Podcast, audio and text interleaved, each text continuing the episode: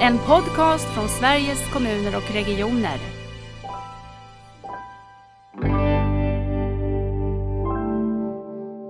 För att vi ska kunna erbjuda den här nära vården så är det viktigt att man, om det inte kan vänta då, eh, anstå, får den här bedömningen också av eh, till exempel sjuksköterska och Mm. läkare när så behövs.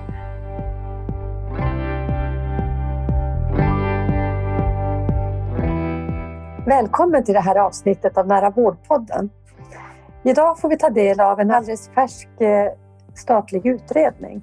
Och en väldigt viktig sån, det är den som handlar om en ny äldreomsorgslag och stärkt medicinsk kompetens i kommunerna.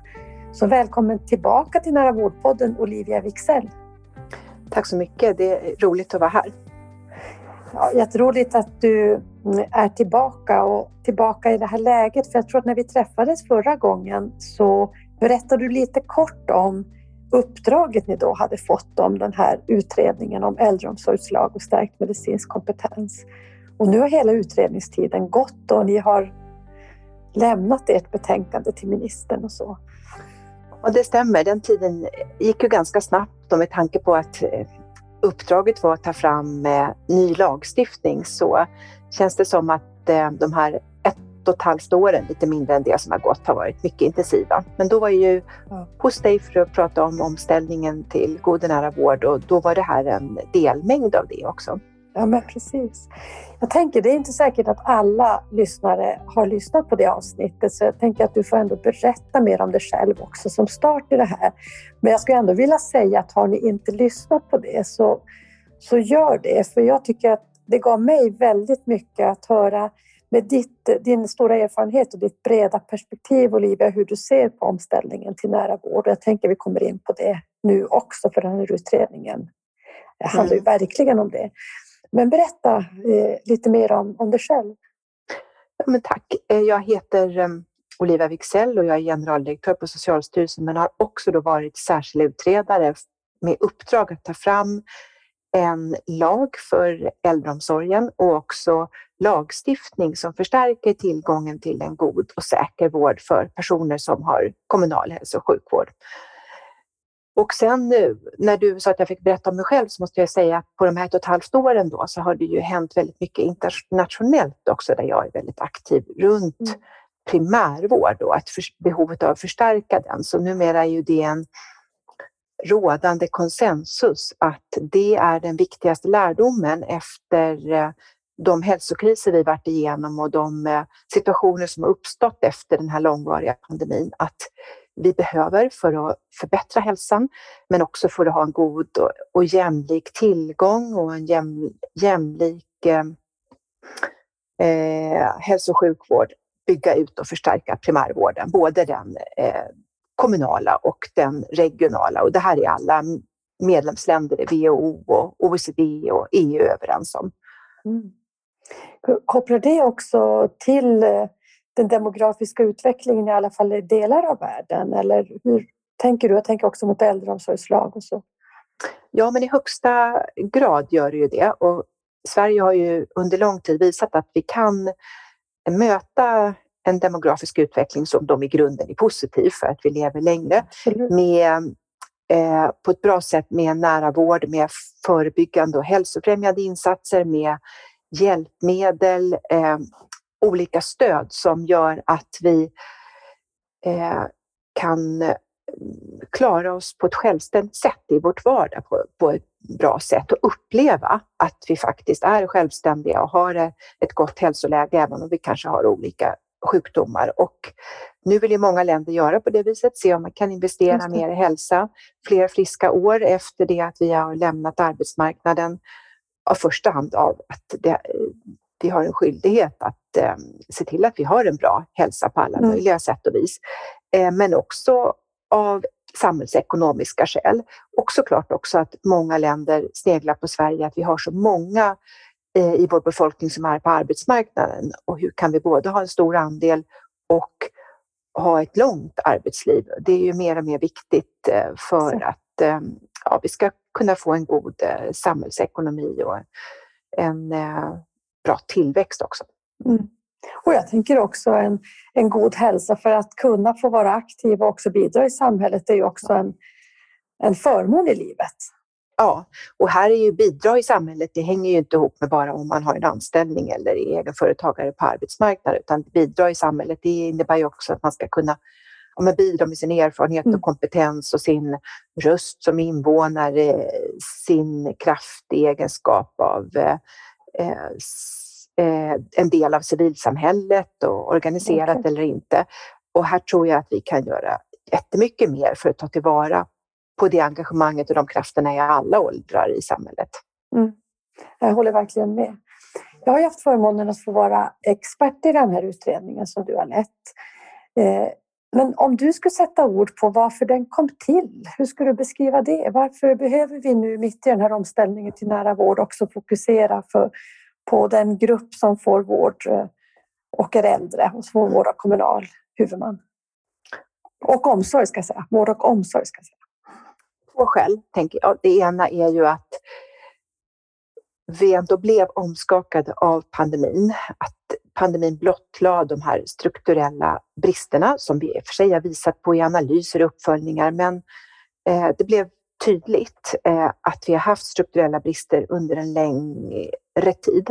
Det andra skälet är ju att det har gått 30 år sedan eh, ädelreformen som innebar en stor omställning eh, på ett bra sätt mm. av vård och omsorg till äldre personer. Men på de 30 åren har medicintekniken förändrats, samhället har utvecklats, eh, hälsobehoven ser annorlunda ut. Vi har en annan prioritering av vilka som får tillgång till vård och omsorg.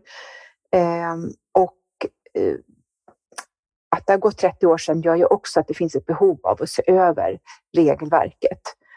Så det är de två skälen. De strukturella bristerna som vi blev mer och akut medvetna om och eh, mm. att ädelreformen har så många år på nacken.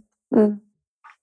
Jag tänker också att det, när sånt händer som, som pandemin eller en kris så blir det också väldigt mycket närmare människor. Det som kanske är siffror när vi tittar på dem lite så här, det blir verkligen kött och blod och eh, berättelser som, som vi har lättare att agera på som människor, tänker jag.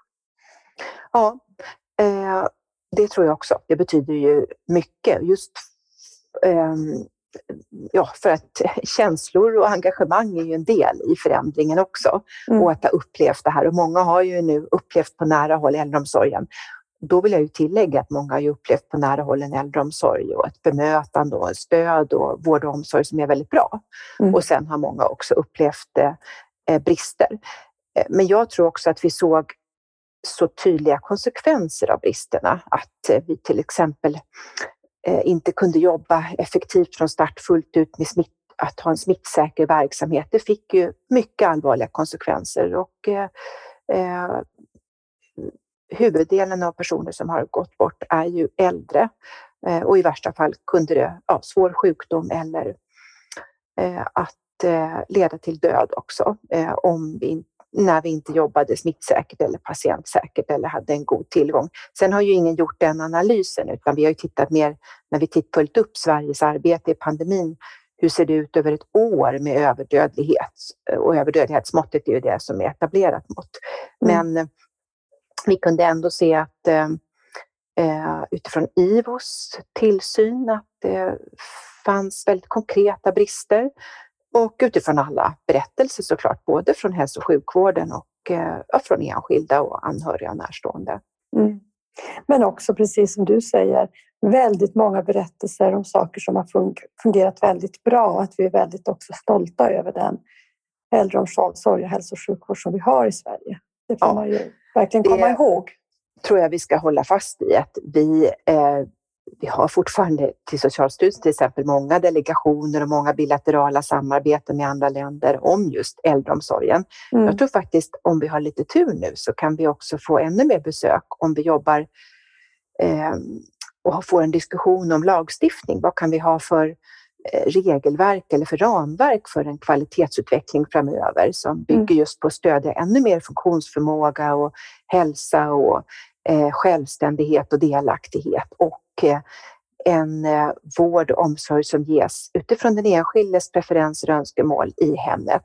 Så eh, jag jag tänker att Sverige var vi, var, vi fick ju mycket kritik av första Coronakommissionens rapport, men eh, det dröjde inte mer än en dryg månad innan regeringen fattade beslut om en sån här utredning. Och eh, nu vet jag att det kommer vara andra länder som vill titta på vad, vad är det för typ av lagstiftning vi ska, tycker vi, i kvalitetsdimensioner och eh, hur ska Sverige driva eh, med hjälp av reglering och alla andra satsningar vi gör då, kvalitetsarbetet eh, framöver. Så att, eh, vi kan fortsätta, hoppas jag, vara ett land som man faktiskt vill titta på eh, hur vi mm. jobbar med utvecklingsarbete och förbättringsarbete. Mm. Mm. Om du skulle börja med att beskriva det här som ni nu har lagt fram till regeringen eh, som förslag. Eh, vilken mm. ända vill du börja i? Kan väl börja och säga att ehm, eftersom regeringen beslutade om att eh, utredningen ska jobba med lagstiftning bara eh, och ska ta fram ett förslag på en äldreomsorgslag så är ju det en väldigt stor del, en ny äldreomsorgslag. Regeringen sa ju också att eh, den ska inte eh, en helt, eh, alltså den, den ska fortfarande vara en lag som kompletterar socialtjänstlagen. Så grundläggande mål och bestämmelser i socialtjänstlagen ska gälla äldreomsorgen också, men förtydliga vad som gäller för äldreomsorgen.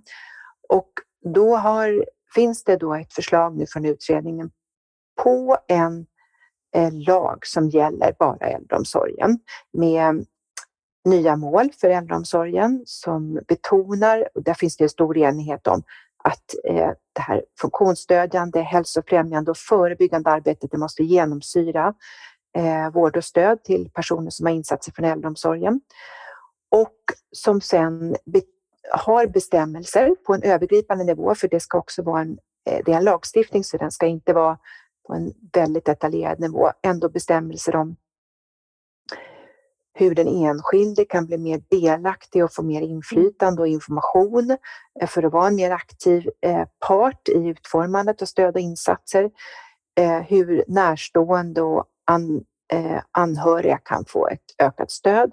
Hur man kan planera och organisera verksamheten mer utifrån kontinuitet och kontinuitet och det har du Lisbeth påpekat många gånger i utredningsarbetet. Det kan ju vara olika slags kontinuitet. Det kan vara mm. att man har en kontinuitet i informationsöverföring, man slipper upprepa samma information hela tiden.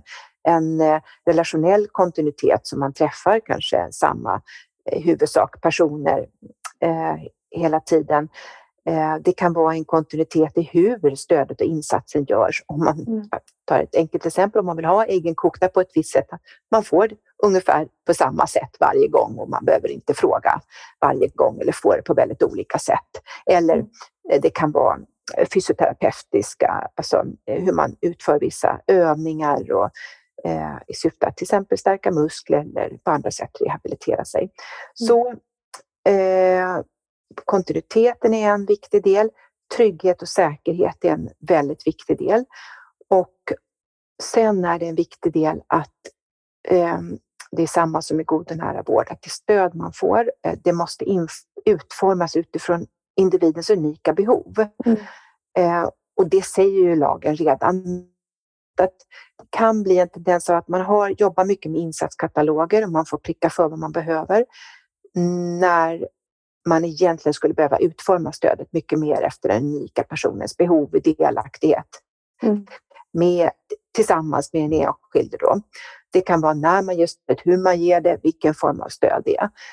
Så eh, det är eh, ett stort fokus på behov också, eh, behovsutformat stöd. Och sen finns det ju några bestämmelser också, två stycken, om uppföljningen. Både att man följer upp det stödet som den enskilde personen, stödinsats som den enskilde personen får. Eh, nådde vi de målen? Gjorde de den nyttan? Fungerade bra?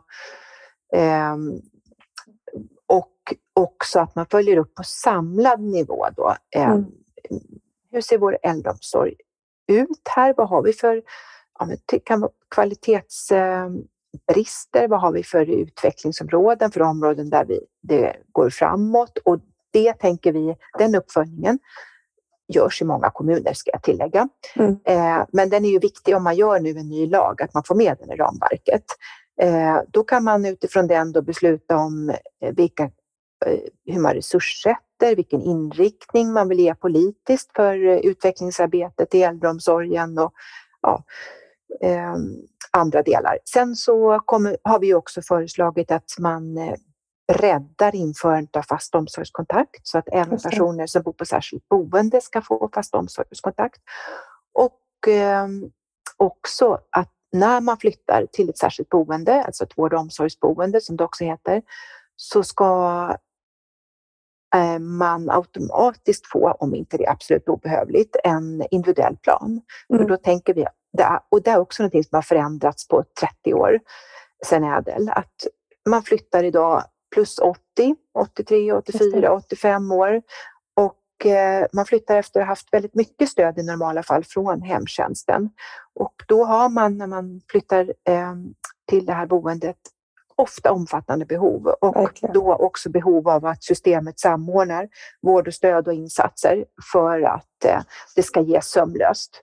Och mm. därför har vi en sån eh, bestämmelse också. Så det är det några bidrar, av bestämmelserna. Mm. Och det bidrar också till den informationskontinuiteten tycker jag, eller ser jag ju också för närstående att kunna följa vad är det för, som är planerat och så.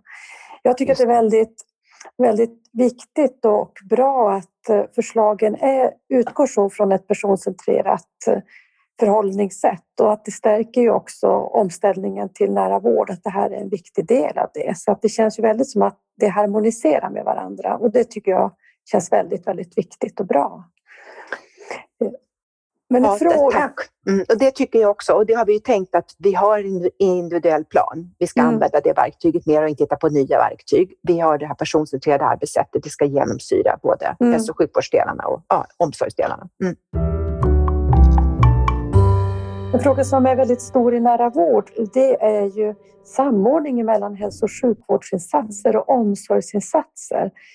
Kan du berätta lite grann hur, hur kan man få ihop det där, även om man nu kommer att stå kvar med två lagstiftningar? För det blir ju en äldreomsorgslag och fortsatt hälso och sjukvårdslagen.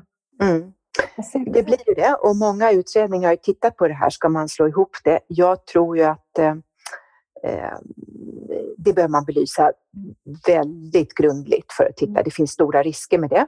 Men jag tycker vi har skapat en, i förslaget en bra brygga mellan, eller flera bra bryggor mellan vård och omsorg. En brygga är att i äldreomsorgslagen så eh, skriver vi att eh,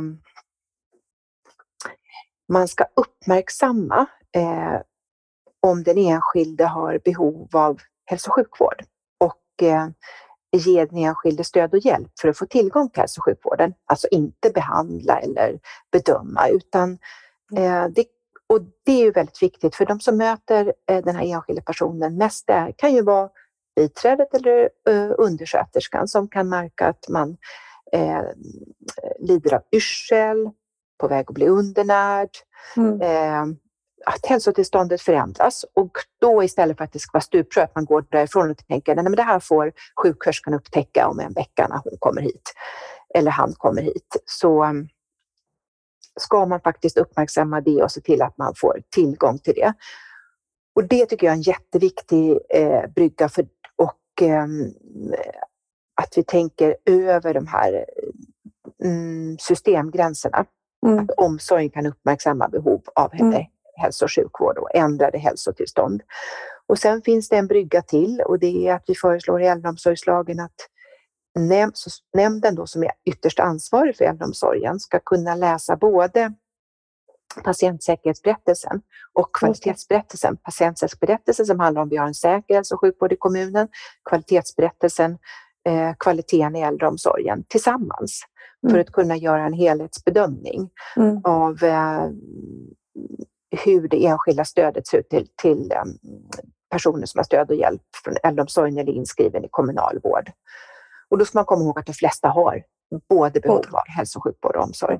Så där finns det ju bryggor.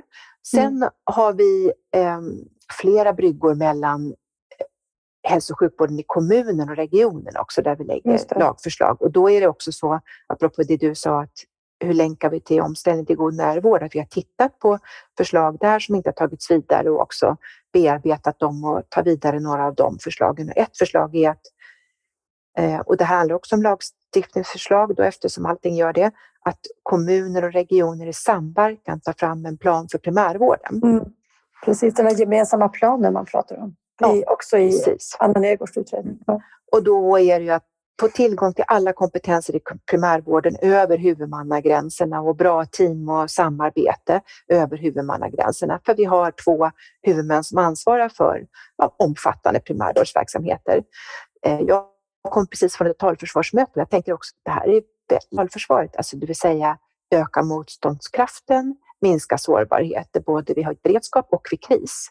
Har vi en sån här gemensam plan så kan vi jobba mycket mer aktivt med till exempel att tillgängliggöra kapacitet på sjukhus, för då blir det primärvården som får kanske avlasta sjukhusen om vi har ett kritiskt läge och behöver kapacitet där. Mm. Eh, det finns också, man skapar en ökad redundans i mm. händelse av kris också om vi har de här eh, gemensamma planerna och ser totala mängden resurser i primärvården. Så det finns ett sådant lagreglerat krav på att göra det här eh, gemensamma planen. Just det. Mm. Kom, skriver, skriver eh, ni någonting om just det med krisberedskap och den gemensamma planen också? Det var intressant tycker jag att du tog upp det. Ja, men typ nu det här tycker jag hade varit bra, men nu har det gått, nu så var det för sent. Men jag hoppas att kanske remissinstanserna kan påpeka det, för att vartefter vi, alla kommuner, regioner och myndigheter och företag totalförsvarsplanerar så kommer vi kunna poängen är att vi ska, se, vi ska kunna använda vårt befintliga system så länge som möjligt. Så vi kommer kunna, hoppas att några tittar med de glasögonen också. Hur mm. kan, kan det här bli, skapa mer motståndskraft och resiliens? Det tror jag. Mm. Jag tänkte innan vi går för mycket in på också hälso, de förslag som ligger kring hälso och sjukvård så tänkte jag, ni hade ju också att definiera äldreomsorg. Vem mm. ska det omfattas av den här lagen? Mm. Och det har inte varit en jättelätt uppgift, eh, tänker jag, när vi har diskuterat den i expertgruppen heller. Men berätta om vad det landade i och varför. Mm. Eh, ja, det var ju en svår uppgift därför att eh, i första hand är den ju svår därför man landar direkt på värderingsfrågor. Mm. Eh, och då är det ju så att vi har ju ett stort inslag av ålderism i samhället. Eh, det vill säga att vi tänker att personer i en viss ålder skulle ha gemensamma kännetecken eller karaktärsdrag.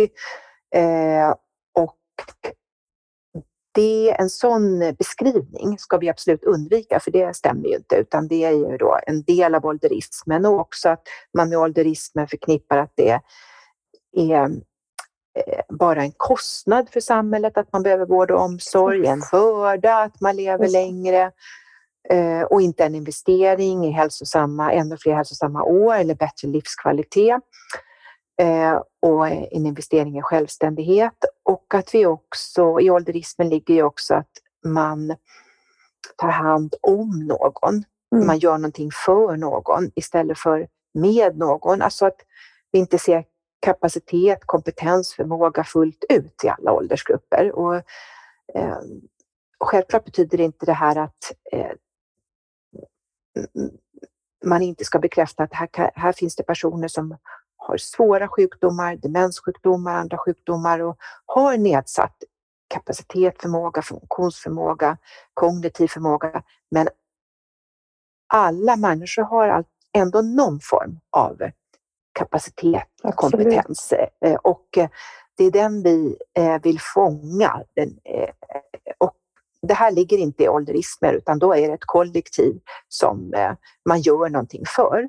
Och då eh, kommer man in på det, då sätter man en åldersgräns, tänker man ålderistiskt. Eh, samtidigt så tänkte vi att en lag ska ju förtydliga och det ville regeringen. Mm. Eh, så att äldreomsorg kanske inte ska säga omfattar alla oavsett ålder. Så till slut landar vi att vi sätter en ålder som man kan, eh, om man vill, flytta upp den efter när man lämnar arbetsmarknaden.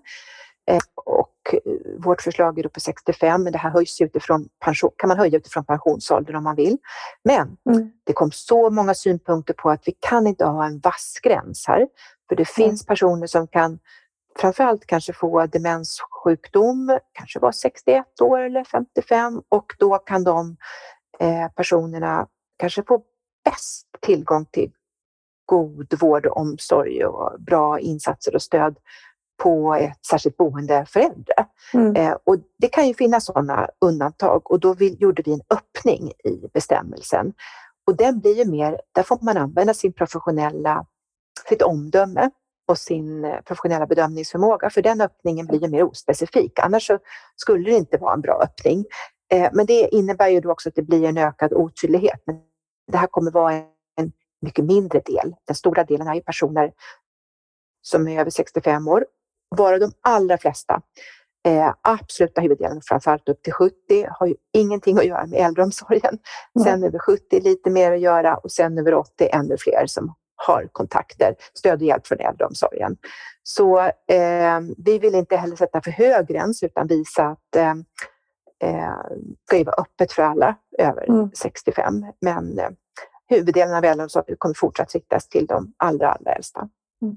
Innebär det här eh, att de som omfattas av äldreomsorgslagen kan få bättre tjänster eller bättre bedömningar än de som omfattas av socialtjänstlagen och inte kan innefattas av kriteriet för en äldreomsorgslag?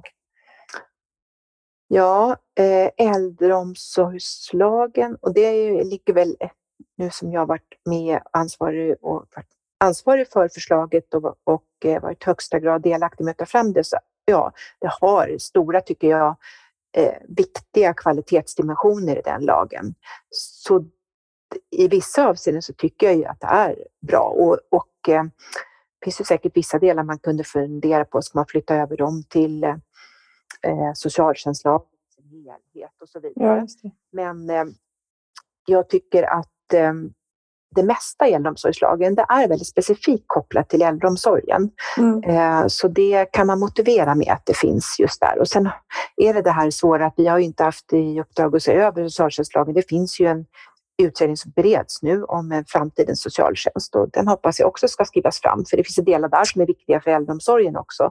Evidensbaserad kunskapsbaserad äldreomsorg.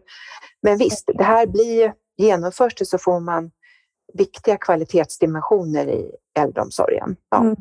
Men det är inget som förbjuder till exempel att man gör delar av det här också i övriga socialtjänsten om man ser behov av det.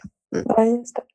Jag tänker också, ni hade ju också uppdraget att se över hur en nationell omsorgsplan skulle kunna utformas och man hade mycket eh, skolplanen, heter det så? Nu säger jag kanske Läroplanen. Läroplanen, mm. jag tappade ordet.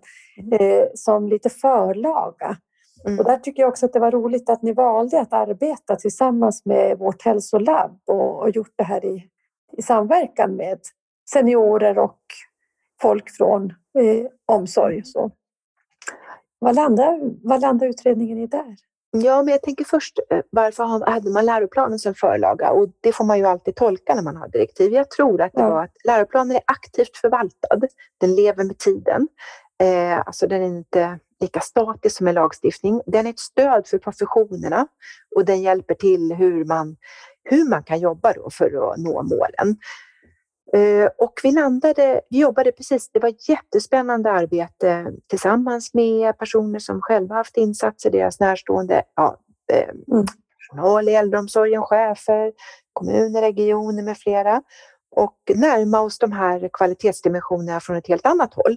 Och så mm. landar vi ju ungefär kallar dem lite, lite annorlunda, men det är väldigt samma. Det är väldigt likt eh, vad det gäller att liksom beskriva vad är viktiga kvalitetsdimensioner i äldreomsorgen.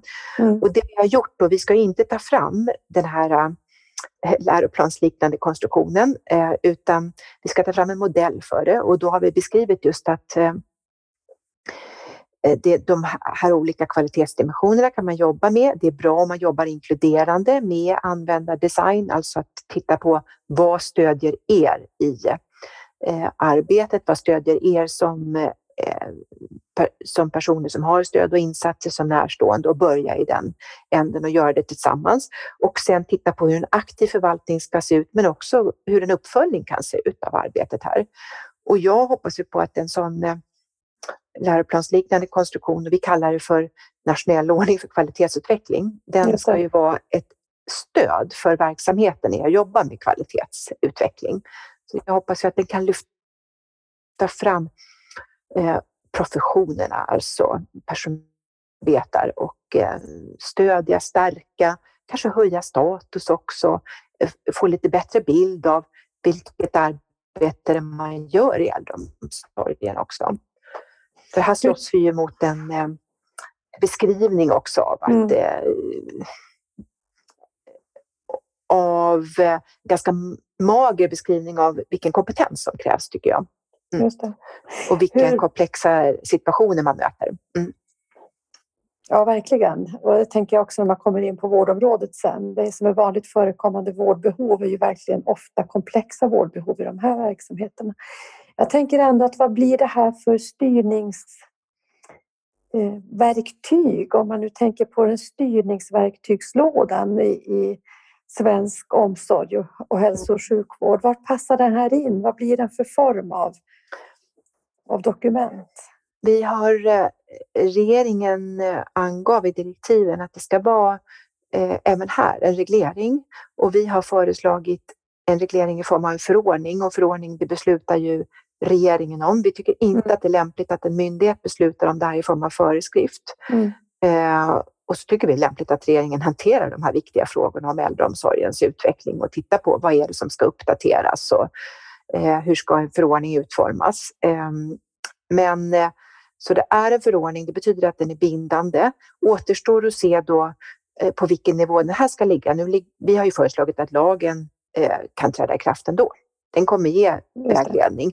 Så det blir också någonting att lyssna in remissinstanserna på. Hur ser man på de här typerna av eh, reglering, lagstiftning och med tillhörande eh, förordning. Men eh, sen har regeringen sagt väldigt tydligt att vi ska bara ta fram modellen och det är det här med aktiv förvaltning och uppföljning och hur man kan spalta upp en sån här förordning. Men sen vill regeringen ge ett uppdrag till myndighet att ta fram ett förslag mm.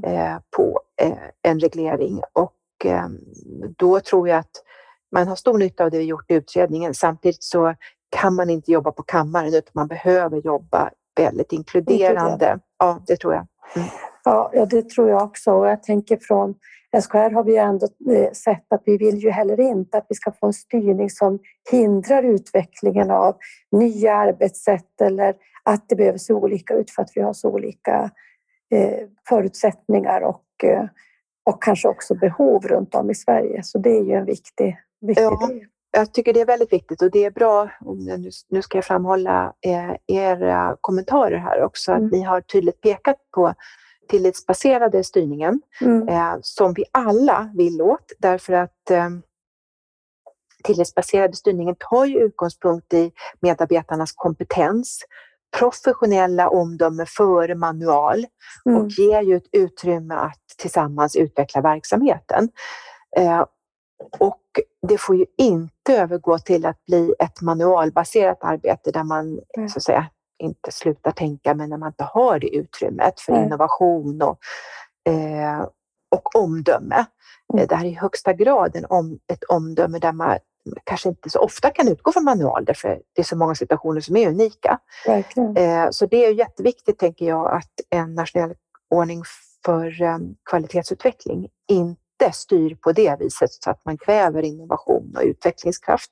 Lagen tror jag inte alls gör det utan många i, eh, som arbetar har ju sagt att ja, men det där kan ju vara mm. ett slags räcke att hålla sig till. Mm. Mm. Så det gäller ju att skapa titta nu i det vidare arbetet, eh, om nu regeringen går vidare med det, hur kan man få eh, förordning också att vara en hjälp och inte någonting som inskränker professionella omdömet och till, tilliten då som Nej, vi vill ha. Mm.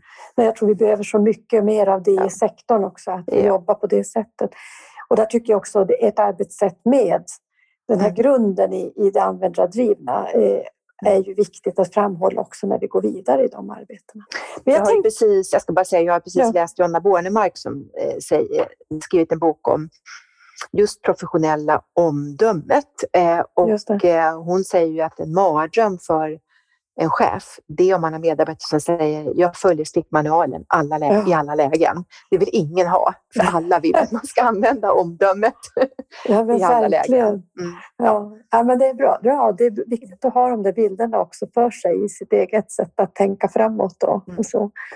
Jag tänkte vi ska gå in lite grann på, ni hade ju också uppdraget att stärka den medicinska kompetensen och jag tycker också där är det spännande, tycker jag i alla fall att jag personligen har fått eh, spännande insikter under utredningsarbetet. Eh, inte minst hur viktigt det är att vi faktiskt eh, funderar på en huvudmans uppdrag och en vårdgivares uppdrag och hur det ser ut i den kommunala kontexten också, tycker jag blir än tydligare i utredningen. Men du kan väl berätta lite grann om förslagen på den medicinska kompetens... Ja, men tack. Och det tog lång tid att komma dit för att från början så tittade vi ju på hur gjorde man vid ädel? Kan vi bygga vidare på det, eh, det systemet? Kan vi införa fler funktioner? Och sen såg vi att det har ändrat sig så mycket på de här 30 åren så att vi behöver nog titta på något helt nytt och ändra sig betyder det helt enkelt att det gått åt väldigt olika håll i hur man tolkat lagstiftningen till det framförallt MAS uppdrag och eh, eh genomförs och tolkas på, olika sätt åt olika håll i olika kommuner. Så att det var svårt att bygga vidare. Så då lägger vi ett helt nytt förslag, precis som du säger. Eh, ge huvudmannen bra förutsättningar att ansvara för en god och säker vård. Och vi har tänkt att det är bättre att trycka på lagstiftning som ser ut. Huvudmannen har ett ansvar. Vi ska inte ge något semi-ansvar någonstans utan stödja huvudmannen i att ta det ansvaret. Vårdgivaren har ett ansvar också. Vi ska stödja vårdgivaren och vårdgivaren det är ofta verksamhetschefen då. Mm. Så inte eh, gör ansvaret otydligt och då för att stödja huvudmannen i, i huvudmannens ansvar för en god och säker vård så föreslår vi att det införs ledningsfunktion för medicinsk ledningsfunktion eller ledningsfunktion för hälso och sjukvård eh, som vi kallar det för. Eh, och det är då en eh, ja, legitimerad, vi, vi föreslår att det är antingen en läkare eller en eh, sjuksköterska, men det kommer ju remissinstanserna synpunkter på. Vilk, vad är lämpligt här? Mm. Eh, men helt klart behöver huvudmannen då det här stödet för att det är medicinska frågor om god och säker vård. Eh, det är ju andra frågor också, kompetensförsörjning och teamarbete och så vidare. På eh, vårdgivarnivå då, så tänker vi också att verksamhetschefen eh, kommer behöva ett stöd för att kunna ta sitt ansvar för att vården är god och säker. Mm. Ibland kan ju verksamhetschefen vara en fysioterapeut eller en arbetsterapeut eller en sjuksköterska. Då kanske man, då behöver man ju, kanske man bedömer att jag behöver inget stöd här, då öppnar vi för det i lagen att eh, nej, då finns det ingen skyldighet att anlita ett stöd. Men om man till exempel har en annan utbildning och det har många verksamhetschefer, mm. då föreslår vi att lagen ska säga att man har en skyldighet för att kunna ta sitt ansvar fullt ut och ha ett stöd i form av en kvalitetsansvarig sjuksköterska eller kvalitetsansvarig för omvårdnad säger vi, och en kvalitetsansvarig för rehabilitering. Och kvalitetsansvarig för omvårdnad då, det är en sjuksköterska och kvalitetsansvarig för rehabilitering kan vara en arbetsterapeut eller en fysioterapeut. Mm. Och då har man de två funktionerna som stöd för att kunna svara fullt ut. Och då tror jag det blir tydligare också för de som arbetar som eh, MAS och MAR också, mm. att det ligger faktiskt ansvaret på verksamhetschef och på huvudman. Eh, man kan inte ansvara för mer än man har mandat och resurser för, men man ska stödja här i, i det ansvaret. Eh, och det betyder då att som vi har idag så har vi sett att eh, MAS, som är det, den funktionen som det sedan 90-talet finns krav på, jobbar eh, i många kommuner nära huvudmannen, i andra kommuner nära vårdgivaren. Så att det, det, här kommer man säkert, det kommer ju vara mycket samma personer, men placera sig lite olika beroende på var man jobbar idag. Så det blir ett nytt system då som, som du säger förstärker huvudmannens ansvar och eh, vårdgivarens ansvar med de här funktionerna. Mm. Ni skulle ju också titta på läkarfrågan. Ska kommunerna vara huvudman för läkare? Ska de få anställa läkare? Hur ska vi säkra läkartillgången till de här sköra personerna som ofta finns i den kommunala eh, primärvården? Eh, berätta om förslagen. Ja, och där har vi i första hand valt att se hur kan vi förstärka och förtydliga dagens system så att eh, man ska få vård efter behov. Det är det mm. det handlar om. Eh, enligt HSL. Eh, och då tänker vi att det vi gör, det är bland annat att eh, säga att när man flyttar till, om man flyttar till särskilt boende så får man ett erbjudande om att ha en fast läkarkontakt hos eh, den läkare som är kopplade till särskilda boendet, som jobbar med teamet på boendet. eh, och eh, som kanske rondar där och har det här övergripande ansvaret som man då ofta har enligt avtal. Eh, eh, tänker vi också att vi inrättar en eh, funktion på regionnivå som är ansvarig för eh, hälso och sjukvården i första hand då läkarinsatserna som man ska stå för gentemot de patienter som har kommunal hälso och sjukvård. Och då kan den här ledningsfunktionen på kommunen ha en tydlig ingång i regionen när man ser att någonting brister i läkartillgången. Och det kan ju vara alltifrån att någon läkare är sjuk, så man säger det blir ingen läkare den här veckan, eller att vi måste stänga den här, sommarstänga den här hälsocentralen så att vi har lite svårt att svara för vården och då får man ta kontakt. Nej, det, så kan det inte fungera för just de här patienterna. Det måste vara efter behov som för alla andra. Det. det. kan inte vara sämre för att man inte kan transportera sig eller att man bara är hänvisad till akuten till exempel. Så då föreslår vi också den här funktionen i regionen så att man kan ha en snabbare återkoppling när man inte har tillgång till eh, läkaren i primärvården. Och sen eh, så eh, har vi också det som många kommuner och regioner har skyldighet att avtala om också, hur läkaren mm vad ska regionerna bidra med när det gäller läkarresurser till mm. personer som har kommunalvård? Det föreslår jag att de avtalen läggs in i, i lagstiftningen, så vi tar bort kravet på att man ska avtala det här och så läggs de här baskraven in i, i eh, regleringen och eh, då blir ju det mer transparent. Eh, också. Då, då, ser man, ja men det är det här som gäller. Sen kanske man behöver göra tilläggsavtal eller inte, men det blir syns då vad, vad ska regionen bistå med? Och sen har vi också eh, förslag om att eh, förtydliga att man har rätt till bedömning både från sjuksköterska och läkare dygnet om. Eh, det finns ju ingenting i hälso och sjukvårdslagen som säger att det bara gäller eh, kontorstid, vardagar, så att det här är ju också ett förtydligande. Men det är ju utifrån att kan man få en bedömning och kan man få en vårdåtgärd på plats, ja, då är det bra om man slipper åka in till akuten eller om man kan åtgärda det på plats, eh, slipper vänta för länge så att det, till, hälsotillståndet eh, förvärras. Sen kan ju också en eh, sjuksköterska som kommer eller en läkare som gör den här bedömningen konstatera att eh, eh det kan vänta till måndag till exempel. Men då får man en medicinsk bedömning. Jag ska återigen påpeka att det här har många kommuner och regioner. Eh, så vi vill förtydliga och jag, det finns kanske andra som inte har det lika tydligt där man behöver ringa till kommunväxeln för att få tag på sjuksköterska. Men genom att lägga in det här i regelverket så får man en ökad tydlighet om vad som gäller och att det här är liksom eh, första eh, för att man ska slippa onödiga transporter eller söka akut. Och för att vi ska kunna erbjuda den här nära vården så är det viktigt att man, om det inte kan vänta då, eh, anstå, får den här bedömningen också av till exempel sjuksköterska och mm. läkare när så behövs. Mm. Så det finns många olika förslag på att förstärka, säkerställa kanske vi ska säga, säkerställa tillgången till läkare, alltså vård efter behov även när det gäller läkare.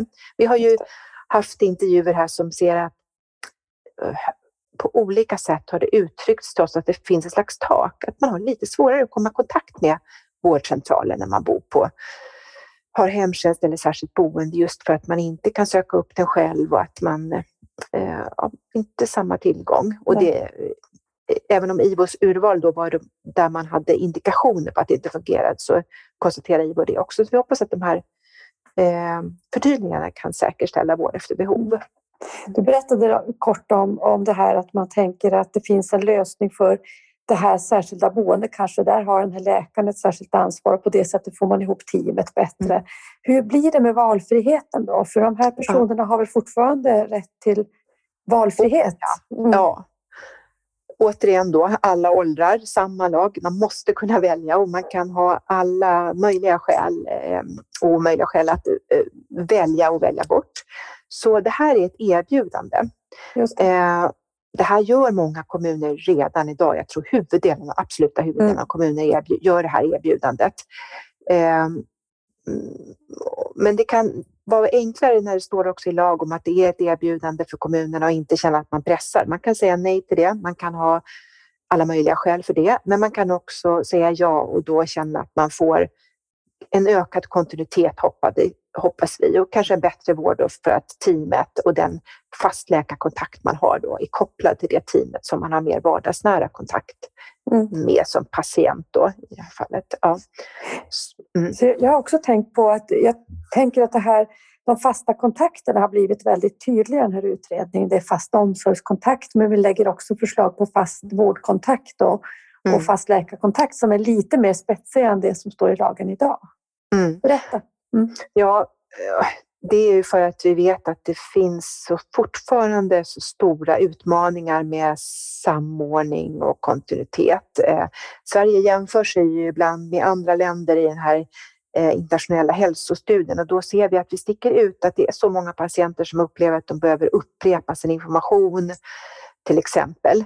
Mm. Eh, och sitt hälsoläge och sina önskemål. Så att den här fasta eh, omsorgskontakten som är på omsorgen ska kunna samspela med fasta vårdkontakter. Nu har man ju ofta det av en sjuksköterska som kanske kommer eh, som man har kontakt med, till exempel, ja, vad är de vanligaste behoven är ju kanske eh, sårvård eller mm. under, eh, ja, man kan, undernäring eller eh, andra delar, olika typer av behandling som, och, eh, och vår, omvårdnad som man får av sjuk, sjuksköterskan. Så att då är tanken att man ska kunna ha eh, en fast vårdkontakt, mm. men också en fast läkarkontakt som mm. ju vi har som mål och det finns en överenskommelse mellan eh, staten och eh, Sveriges kommuner och regioner om att mm. vi ska försöka rulla på det här i ganska god fart och de mm. absolut mest prioriterade, det är ju